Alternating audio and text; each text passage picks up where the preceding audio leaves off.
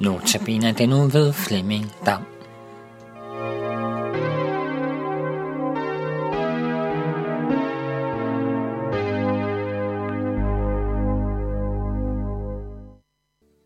Ved sin himmelsfart, så giver Jesus sin disciple missionsbefalingen.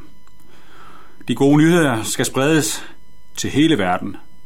Nyheden om, at han er død og opstået, og der dermed er banen en vej til fred og fællesskab med Gud, uden at der stilles krav til os om hellige og gode gerninger. Det er de gode nyheder. De skal spredes. Sammen med befalingen får disciplen et løfte. Et løfte om, at Jesus vil være med dem alle dage. Jesus efterlader dem i lægemlig forstand, men han vil følge dem og støtte dem og hjælpe dem med sin altid nærværende ånd. Befalingen og løftet er ragt videre til hver generation af nye kristne og til os.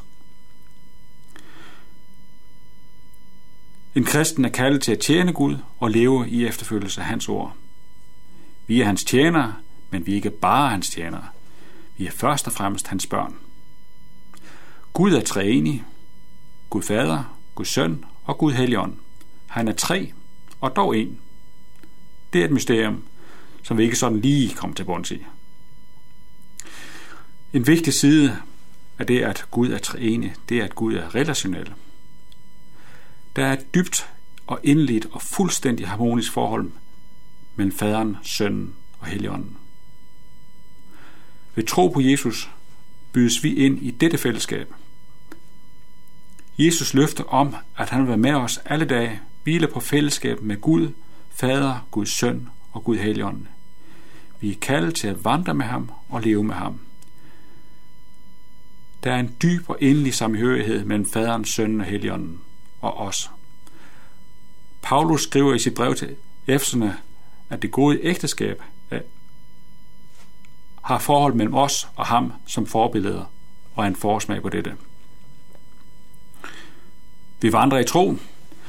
De fulde dybder af fællesskab med Gud oplever vi først den dag Jesus kommer igen. Men vi har en stående invitation til at, til at til stadighed at søge dybere ind i fællesskabet. Bøn og stillhed, fordybelse i Bibelen er sammen med efterfølgelse og fællesskab med andre kristne hovedvejene til større nærhed og fællesskab med ham. Da jeg var på vandretur i de nordsvenske fjelle, var der et citat af Dag Hammarskjold, der på en særlig måde blev anledning til eftertanke. Citatet det lyder sådan her. Ydmyghed for blomsten over trægrænsen åbner vejen op på fjellet. Ydmyghed for blomsten over trægrænsen åbner vejen op på fjellet. Når man er i fjellene, ja, så skærper det opmærksomheden på den særlige og unikke skønhed, man finder over trægrænsen. Der bliver lidt mere goldt, der bliver lidt mere frodigt, men skønheden bliver også større, når blomsterne pipler frem mellem stenene. Åndeligt set, så er det en påmindelse om, at hvis jeg opleve, vil opleve op rigdommen i livet med Gud, ja, så må jeg finde anledning til at søge væk fra hverdagens larm og aktivitet, og søge ind i stillheden, bønnen og eftertanken, og finde hvile, glæde og fred der. De gamle ørkenfreder fra kirkens første århundrede søgte ud i ørken for at finde den nødvendige stillhed.